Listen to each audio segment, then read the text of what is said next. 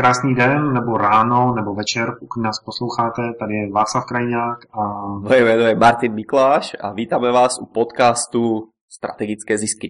V posledním podcastu jsme se bavili o tom, jak získat reklamu zdarma. No, nevyčerpali jsme to téma úplně do dna, takže se k němu dneska vrátíme.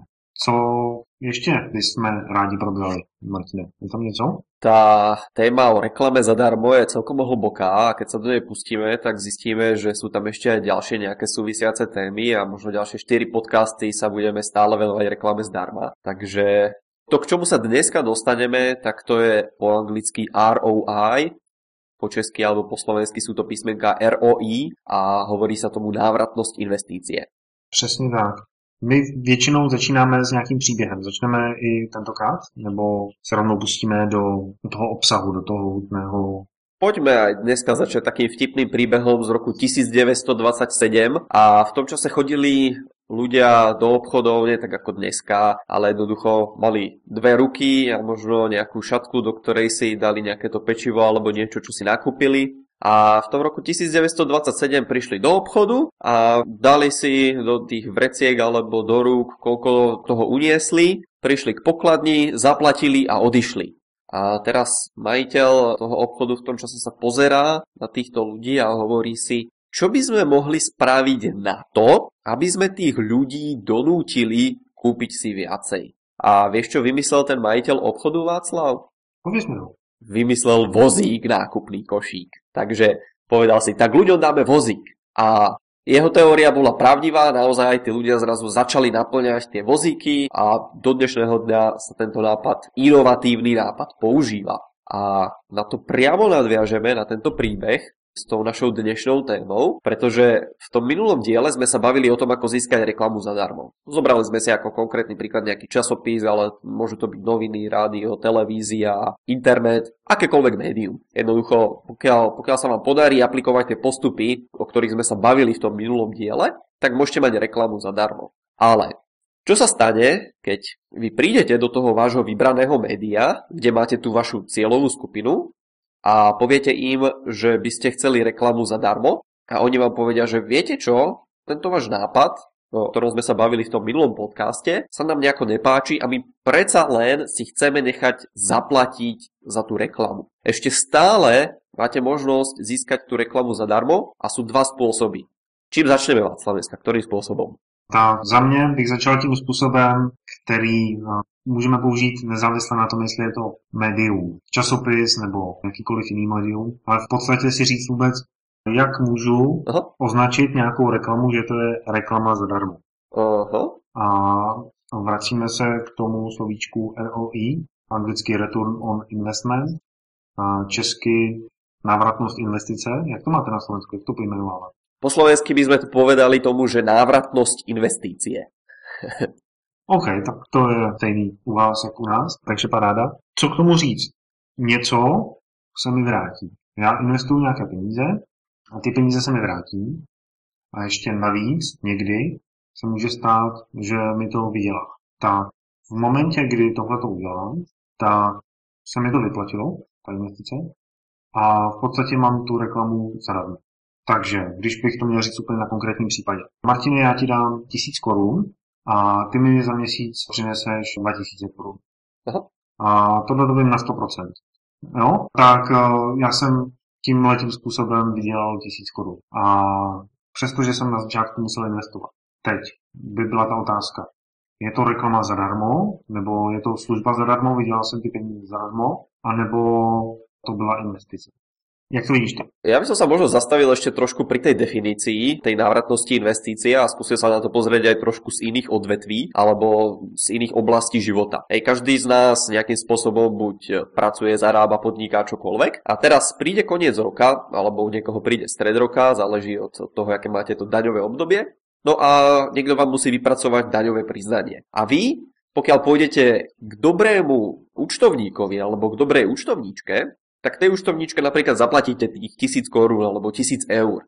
Ale ona alebo on, pokiaľ sú dobrí v tom svojom obore, tak to, čo spravia, tak oni vám ušetria na tých daniach a povedia vám, že tuto si môžete takú vec oslobodiť, túto takú vec oslobodiť, no a nakoniec vám ten daňový úrad vráti napríklad tých 2000 korún alebo 2000 eur. No a z toho vyplynie, že tento človek, návratnosť tej investície, vy ste mu síce museli zaplatiť dneska tú tisícovku, ale ten daňový úrad vám v konečnom dôsledku 2000 vrátil. Takže tam bola tá návratnosť investície 100%.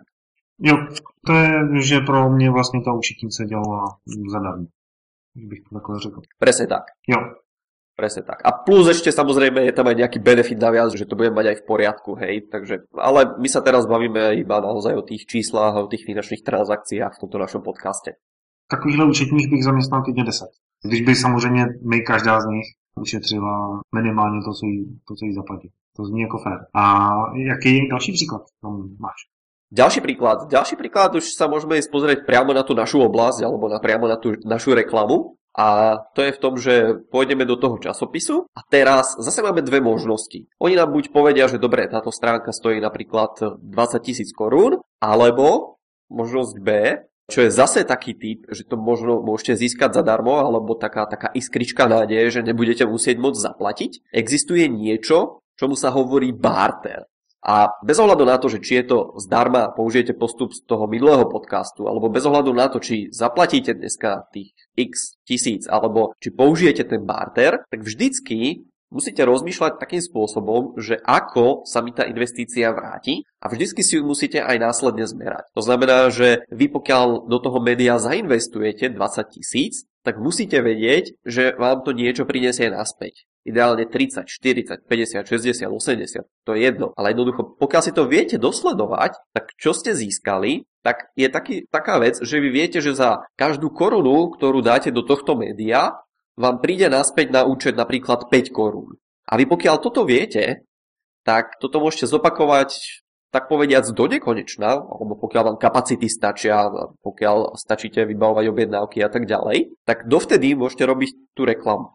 A preto je dôležité vedieť a uvedomiť si, ako je to s tou návratnosťou investície. Takže z každé koruny, ktorú investujú, přijde 5 korun zpátky. To bol príklad, určite. To je reklama zadarmo. Presne tak. Protože v momentě, kdy ji udělám, rozhodnu se, že ji dělám, tak eh, mi přijdou peníze zpátky a musíme je mít akorát někde chvíli deponovaný. A třeba v tom daném reklamním médiu nebo v tom, v tom časopise. Tohle to funguje i na internetu, já to znám z té oblasti kampaní na sociálních sítích nebo ve vyhledávačích a tam to funguje podobně. Vy zaplatíte za kliknutí uživatele a část těch peněz se vám buď vrátí nebo nevrátí. A je to o tom měření.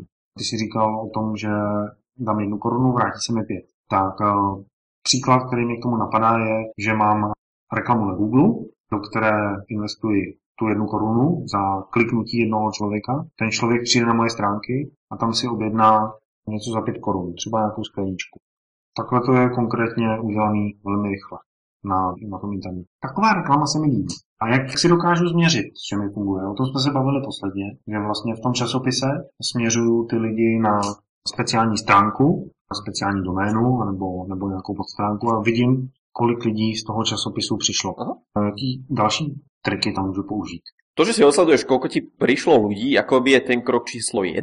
Vy, pokiaľ nás teraz počúvate, tak môžete povedať vášmu webmasterovi, že vás zaujímajú tie údaje, koľko ľudí vám tam prišlo, koľko ľudí vám zanechalo e-mail, no a následne koľko ľudí nakúpilo. A vy si budete vedieť vypočítať, že dobre, máte úspešnosť napríklad 10, 20 alebo 30% ľudí, ktorí vám zanechajú e-mail. A vy viete, že dobre, pokiaľ to číslo sa dá vyťahnuť na 60%, tak ho chcete mať 60 alebo 80. No a takisto sa viete ďalej pozrieť na tých ľudí, ktorí vám zanechali e-mail, čo je výhoda číslo 1, pretože s nimi viete komunikovať. A oni pokiaľ nakúpia, tak zase máte nejaké číslo, ktorému sa hovorí konverzia.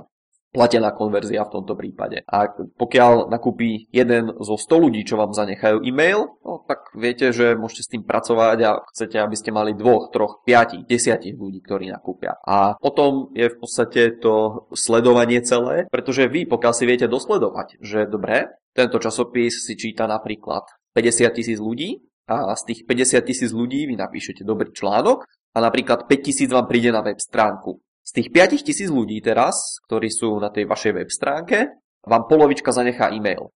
Takže budete mať napríklad 2500 e-mailov. No a v ten deň číslo 1 nakúpi napríklad 1% ľudí. Takže budete mať 25 zákazníkov. No a teraz je otázka, dobre, pokiaľ predávate samozrejme nejaké drahšie veci a zvládate napríklad 5 zákazníkov mesačne, tak je jasné, že ste si naplnili kapacity na takmer pol roka vopred. Pokiaľ ale predávate niečo rýchlo obrátkovejšie a chcete toho zákazníka mať každý deň alebo tých 25 zákazníkov každý deň, tak na to zase môžete použiť ten e-mail a cez ten e-mail môžete komunikovať s tými ľuďmi. A teraz možno nastane otázka za chvíľočku, že čo dať do toho e-mailu, že Václav.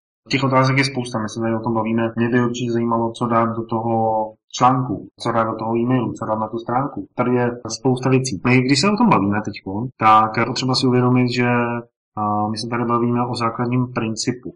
Potom ty otázky, co má být v tom e-mailu, nebo co má být na té stránce, tak k těm se samozřejmě dostaneme. Ale co je potřeba si uvědomit, tak je ten základní princip. A ten princip je měření návratnosti. A ten bychom dneska prošli úplně detailně. Protože když něco dělám a investuju do toho buď čas, nebo peníze, na ty peníze menší podnikatele hodně slyší, takže do toho radši investují čas, tak bych měl vědět a měl by být mým zájmem, abych věděl, že mi to něco přinese. Na mě se spousta lidí dívá jako na divního chlapíka a říkají mi, no ty jsi digitální Václav, všechno není jednička a nula.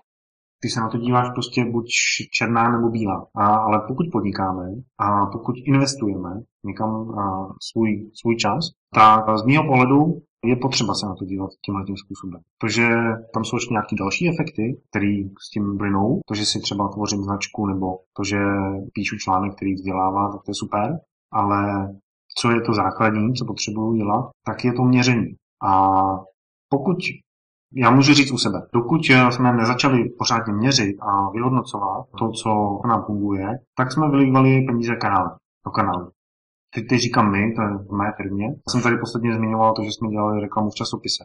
A to jsme dělali celých 12 měsíců a až poslední tři jsme začali měřit, jestli to opravdu má ten efekt. A zjistili jsme, že to ten efekt nemá, takže jsme dávali peníze grafikovi, aby nám připravil ten inzerát. Dávali jsme energii do toho, aby jsme ten inzerát mohli udělat a aby nám ho zveřejnili. A všechno to ve finále bylo k ničemu. Ale my jsme si mysleli, že prostě to děláme dobře a tak. Ale až v momentě, kdy jsme začali měřit jedničky a nuly, tak jsme zjistili a mohli říct, jo, má to smysl. Toto meranie akoby je dôležité aj pokiaľ ste napríklad dlhší čas na trhu alebo dlhodobo pôsobíte a dlhodobo máte nejaké reklamy, pretože ten trh sa mení. A napríklad, keď som pred troma rokmi zverejnil nejakú predajnú stránku a bolo na nej video, tak napríklad pred troma rokmi vyhralo vždycky kratšie video predajné nad dlhším. Pretože ľudia to chceli mať rýchlo za sebou a na tom internete toho až tak veľa nebolo, takže si pozreli kratšie videjko a rýchlo nakupovali. Hej. V poslednej dobe sa ten trend otáča a väčšinou vyhrávajú zase dlhšie videjka, ktorom dokážete tomu človeku viacej povedať. Ale zase, toto môže byť vec, ktorá sa líši od oblasti k oblasti, alebo sa môže zase medziročne zmeniť. Pred troma rokmi napríklad boli populárne videá s hudbou, No a potom, keď som minulý rok alebo predminulý rok robil zase nejaký lounge alebo nejaké predajné videjka, testoval a porovnával, tak zase boli populárne videá bez hudby. Hej, takže jeden rok s hudbou, druhý rok bez hudby. Jeden rok tí ľudia majú radi dlhé videá, druhý rok majú krátke videá. Tretí rok príde a aha, čo sa stane? Ľudia nechcú pozerať videá, ľudia si chcú čítať texty. Takže preto to vám odporúčame obidvaja s Václavom, aby ste tam mali tie jedničky a nuly, aby ste vedeli, čo vám funguje, čo vám prináša tých zákazníkov, čo je tá jednička a čo vám iba míňa ten čas, čo vám míňa energiu, čo vám míňa prípadne peniaze, pokiaľ ich tam máte. Hej, a neprináša vám to nič, takže čo je tá nula. Takže to, preto to je dobré vedieť, všetko si zvážiť a porovnať. A ešte som povedal niečo o tom bartri, tak v podstate napriek tomu, že tam nedojde k žiadnej finančnej transakcii, tak zase vy do toho investujete ten váš čas alebo tú vašu energiu, aby ste napríklad ten váš výrobok dodali alebo tú vašu službu a, alebo ten produkt zohnali tej reklamnej firme, ktorá vám to dáva. To znamená, že ten bartrový obchod je založený na výmene. Vy dostanete reklamu zadarmo, oni dostanú zadarmo ten váš produkt. Hej, príde tam v nejakej výmene, ale napriek tomu, že to bolo zadarmo, tak v konečnom dôsledku obidvaja aj to reklamné médium, aj vy ako firma ste do toho zainvestovali nejaký ten čas a nejakú energiu, takže obidvaja chcete mať z toho tú návratnosť. Hej. A preto reklamné médium, tá návratnosť tam je. Oni, pokiaľ predávate stoličky alebo stoly, tak oni vidia, že áno, tak máme na čom sedieť, máme stoly, alebo keď predávate počítače, tak máme na čom pracovať v tej reklamnej firme. No ale vy chcete mať tých zákazníkov za to, aby k vám naozaj do obchodu prišli, alebo na web stránku, aby si od vás začali kupovať tie stoličky, stoly alebo počítače, alebo čokoľvek, čo už predávate. A preto je dôležité meriať a baviť sa o tej návratnosti investície. Tak mě teď napadá, Martine, četl jsi knížku od Stevena Covyho Sedm návyků? Mám audioverziu v originále. Aha. Audioverzi, jo. A jeden z těch návyků je začínat myšlením na konec. Představit si ten, ten konec a k němu směřovat. A u té reklamy to spousta lidí právě nedělá. Ano. Ten konec je u mě ten zákazník, který mi dává své peníze.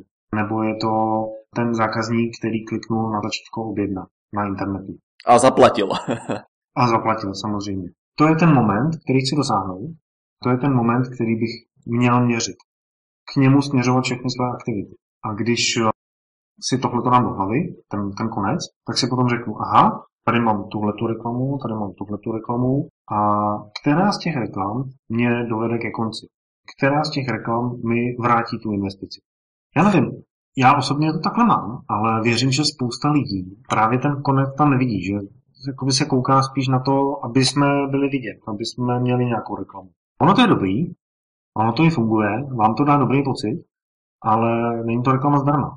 Když dáte peníze, budete se z toho cítit dobře, lidi o vás budou vědět, to je hezký, ale nepřijdou k vám a nekoupí. Ano. Myslím si, že to je trošku škoda. Aspoň pokud děláte produkt, o který by byl zájem a který lidem může pomoci, anebo službu, ať už děláte třeba maséra nebo něco takového, anebo máte zase velkou firmu, která dodává vysavače, tak eh, v momentě, kdy děláte tu reklamu nedobře, tak eh, ti lidi k vám ani nemůžou dojít. To je potřeba upravit. No to jsme tady, takže to, o tom se budeme bavit hodně. Já osobně mám třeba články na blogu, ty máš taky, a píšeš blogy už hodně dlouho a u každého toho článku tak mám možnost zaregistrovat se. A já potom můžu měřit, kolik lidí si ten článek přečetlo a kolik lidí se díky němu zaregistrovalo. A jednak z toho můžu vyhodnotit potom, kolik mi to přinese peněz, a druhá z toho můžu taky vyhodnotit, jak moc dobře jsem ten článek udělal. Ten článek je ta naše potenciální reklama, když se tady bavím, protože já i na tu tvorbu toho článku musím vynaložit nějakou energii, nějaký svůj čas, investovat. A dopředu bych rád věděl, že ho investuju dobře. Abych si mohl říct, jo, ten článek se mi zaplatil. Ten článek je zdarma. Takže, ale kdybych to neměřil, tak bych si prostě psal články a říkal si, hm, jo, jo, lidi to čtou, to je dobrý, ale já nemám co jíst. Hej, to Poznáte v takých niektorých reklamách, že sme najpopulárnejšia reklama, alebo že sme najpopulárnejšia reklamná agentúra, máme najviac zákazníkov, najviac klientov, alebo jednoducho sme v najviac médiách, na stránke máme najviac čitateľov, alebo k nám chodí najviac návštevníkov. Hej, a to sú veci, ktoré ešte nehovoria o tom, že napriek tomu, že máte najviac ľudí, že aj najviac predávate.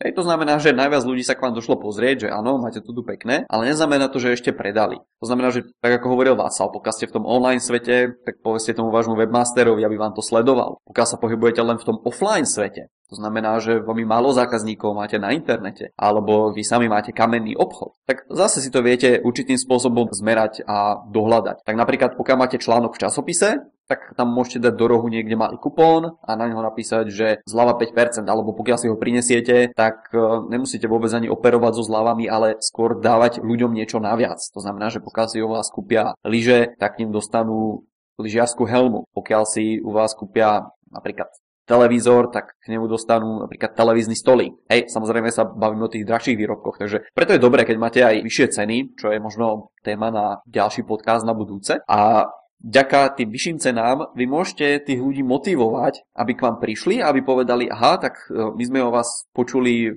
v tej a tej reklame a pokiaľ u vás povieme kód, ktorý môže byť napríklad Martina Václav, tak ten predávač bude vedieť, aha, dobre, vy máte ešte nárok na takú a na takú odmenu. Takže je jedno, aké médium použijete, jedno, že či sa pohybujete v offline svete alebo v online svete, tak vždycky sa dá nájsť spôsob, aký môžete tým ľuďom povedať, že dobre, pokiaľ ste na tejto našej web stránke dneska a plánujete k nám zajtra prísť, tak si vytlačte tento kupón a dostanete napríklad obec zdarma počas prehliadky nášho zábavného parku alebo počas nejakého výletu, na ktorého sa idete zúčastniť. Takže vždycky je spôsob, ako sa to dá dohľadať. A samozřejmě tuhle tu cenu za ten doplněk, za ten za ten oběd nebo za cokoliv, tak eh, je potřeba ještě připočítat k té ceně té reklamy. Takže já mám třeba reklamu za 10 tisíc v časopise a vím, že mi přijde 100 lidí a 100 lidem musím zaplatit oběd. Tak je to dalších 100 krát 100 korun, takže 20 tisíc. Takže celá ta reklama mě stála 20 tisíc. Teď potřebuju změřit, jestli mi vrátila těch 20 tisíc. Aby byla zdarma, aby to bylo to, co, to, co chceme. Mně tak eh, napadá, že to měření v tom digitálním světě je jednoduchý, nebo jednoduchý. Je potřeba zavolat tomu svýmu webmasterovi, aby to nastavil. A v tom živém světě je to o těch kuponech nejčastěji. Používají to i velké firmy. Vezměte si toho, že u nás třeba tady v Čechách máme o a ty dávají nějaké slabové kupony a oni potom díky tomu dokážou pracovat se svými partnery, se svými lidmi. Já bych se tady ještě vrátil k tomu, že si řeknu, teď jsem řekl tady, O2 to dělá takhle. Já, tak O2 to dělá takhle, tak já to budu dělat taky tak. Nebo Martin říkal, že videa dlouhý teď fungují, tak já natočím dlouhý video. Jedna věc je dělat to, co dělá někdo druhý, a druhá věc je dělat to a na konci si to ještě změřit a ověřit, že to tak opravdu je. To, že to funguje Martinovi, to neznamená, že to bude fungovat mně. A pokud na konci to neměřím, tak bych se dopustil té chyby. Stejně tak, i kdybych použil to, co funguje stovce jiných lidí, tak v momentě, kdy to neměřím, a to se často děje, tak eh, bych se právě vystavoval tomu, že najednou zjistím, no počkejte, já, já, jsem dával prostě 20 tisíc měsíčně do toho časopisu, a kolik mi to vlastně přináší? V momente, kdy si pokládáte takovou otázku, tak už je docela pozdě. Teraz ma napadá, že sme s jedným klientom pripravovali nejakú web stránku a oni sa ma pýtali, že a aké texty tam máme dať, alebo kto natočí to video, kto má byť na tom videu, čo má byť na tom videu. A im hovorím, že viete čo, normálne túto úlohu môže spraviť ktokoľvek v tej vašej firme, pretože je úplne jedno, čo tam bude, ale ide o to vytvoriť tú základnú myšlienku no a potom sa bude testovať. Bude sa testovať, že či tí naši zákazníci majú radšej text, alebo že či majú radšej video. Keď majú radšej video, tak zase potom o mesiac alebo o pol roka, o rok natočíme ďalšie video a budeme porovnávať dve videá. Pokiaľ majú radšej text, no tak tam je veľmi jednoduché sadnúť si za počítač, napísať iný text a spustiť ten experiment, ktorý nám porovná tie dve stránky a vyhodnotí nám víťaza, ktorá stránka získala viacej e-mailov, alebo v prípade, že to už predajná stránka, ktorá stránka viacej predala. Hej? Takže vždycky sa snažte rozmýšľať, ako sa čo najjednoduchšie dostanete k tomu vážnu cieľu na strane jednej a na strane druhej uvažujte o tom, ako to môžete v tom vašom konkrétnom biznise dosledovať. A tie príklady, ktoré som ja hovoril, tak to sú konkrétne príklady, že som naozaj videl na web stránkach napríklad nejakých cestovných kancelárií alebo zabavných parkov alebo takýchto, že tam mali kupón a vy, keď ste si zaplatili vstupné, ktoré bolo 50 eur alebo 1500 korún, tak pre nich z tej čiastky bol obed naozaj minimálny, pretože ich náklady sú povedzme 50 korún alebo to môžu byť nejaké 2 eurá. Takže z tej celkovej reklamy, ako náhle tam ten zákazník príde a napriek tomu, že dostane nejakú tú maličkosť zadarmo, tak ten celkový biznis to nejako negatívne neovplyvní a práve by som povedal, že naopak, že tí ľudia sú viacej motivovaní ešte tam ísť, pokiaľ už dneska o tom uvažujú aspoň čiastočne, pretože dostanú zase nejakú incentívu alebo nejaký úplatok, ako to nazvať legálne, aby sme ostali v tých legálnych slovách alebo termínoch. Tak já si myslím, že teď je čas udělat nějakou akci. My budeme se pomalu loučit, ale pro vás, co nás posloucháte, ať už jste podnikatelé nebo máte na starosti výdej peněz ve firmě, jakože marketingový ředitel nebo něco takového. Dejte si ke každému výdaji, který dáváte, ať už pravidelně, spíš pravidelně, tak si k němu napište aspoň drobný odhad, pokud to zatím neměříte. Jaká je návratnost? Napište si časopis A No, tak já si myslím, že z něj přijde prostě 20 tisíc. Časopis B přijde z něj 30 tisíc. To si napište, zkuste si za měsíc se k tomu vrátit, ale tam už použijte to, to měření. Ale v tenhle ten moment je vůbec dobrý si uvědomit, že když dávám peníze ven, tak eh, jestli sa mi tie peníze vôbec vrací. Ešte sme hovorili o, tých webmasteroch a že ich máte nakontaktovať prípadne. Ja mám taký malý tip, pokiaľ ste ten webmaster vy sám, tak si môžete vyhľadať niečo, čomu sa hovorí nástroj na tvorbu adries URL. Pokiaľ ste webmaster, tomu rozumiete, pokiaľ nie, tak hovorím kontaktujte iba vášho webmastera, nech vám to spraví. A tento nástroj pre tvorbu adres URL vás pekne prevedie tým, ako si máte vytvoriť odkazy, ktoré budete dávať potom do tých vašich reklamných kampaní alebo na všetky prekliky, kde ľudia budú klikať. No a budete vedieť pekne odsledovať, že odkiaľ, z akej reklamy alebo z akého média k vám prišli, keď sa prekliknú tie ľudia napríklad z e-mailu, tak vy budete vedieť, že z ktorého e-mailu, ktorý ten odkaz klikli a tak ďalej. Takže naozaj sú to veci, ktoré vám môžu dosť pomôcť a to mi tak pripadá, že by to mohla byť dobrá téma na pokračovanie na budúce. To, jaký nástroje používať na internetu pro to, abych dokázal meriť? Hej, presne. O tomto meraní, aby sme sa viacej pobavili, o tom, odkiaľ tí ľudia prichádzajú, ako s nimi pracovať ďalej a možno konkrétne sa povenovať tým nástrojom a taktikám, ako si ich udržiavať a ako im predávať. Skvělý. Já jsem nadšený z dneška. Předali jsme opravdu zajímavý kus informací. A pokud vás to trošku zaujalo, jděte na naše stránky strategickézisky.cz nebo .sk. Zanechte nám komentář, dejte nám like a pokud nás stahujete přes iTunes, tak určitě vyčkejte na další díl a mezi tím měřte a sdílejte a udělejte radost taky někomu jinému. Pošlete mu odkaz na náš podcast a my se těšíme na vás příště. Pokiaľ máte nejaké otázky alebo námety tomu, čo by sme sa mohli venovať, kľudne príďte na stránku podcastu, zanechajte nám kontakt na vás alebo tú vašu konkrétnu otázočku a zanechajte, zapíšte ju do komentárov. A pokiaľ vás zaujíma to, ako mať viacej zisku, tak sa na vás tešíme o týždeň. Moje meno je Martin Mikláš. Moje meno je Václav Krejňák. A tohle to sú strategické zisky. Prajeme vám pekný deň, do počutia.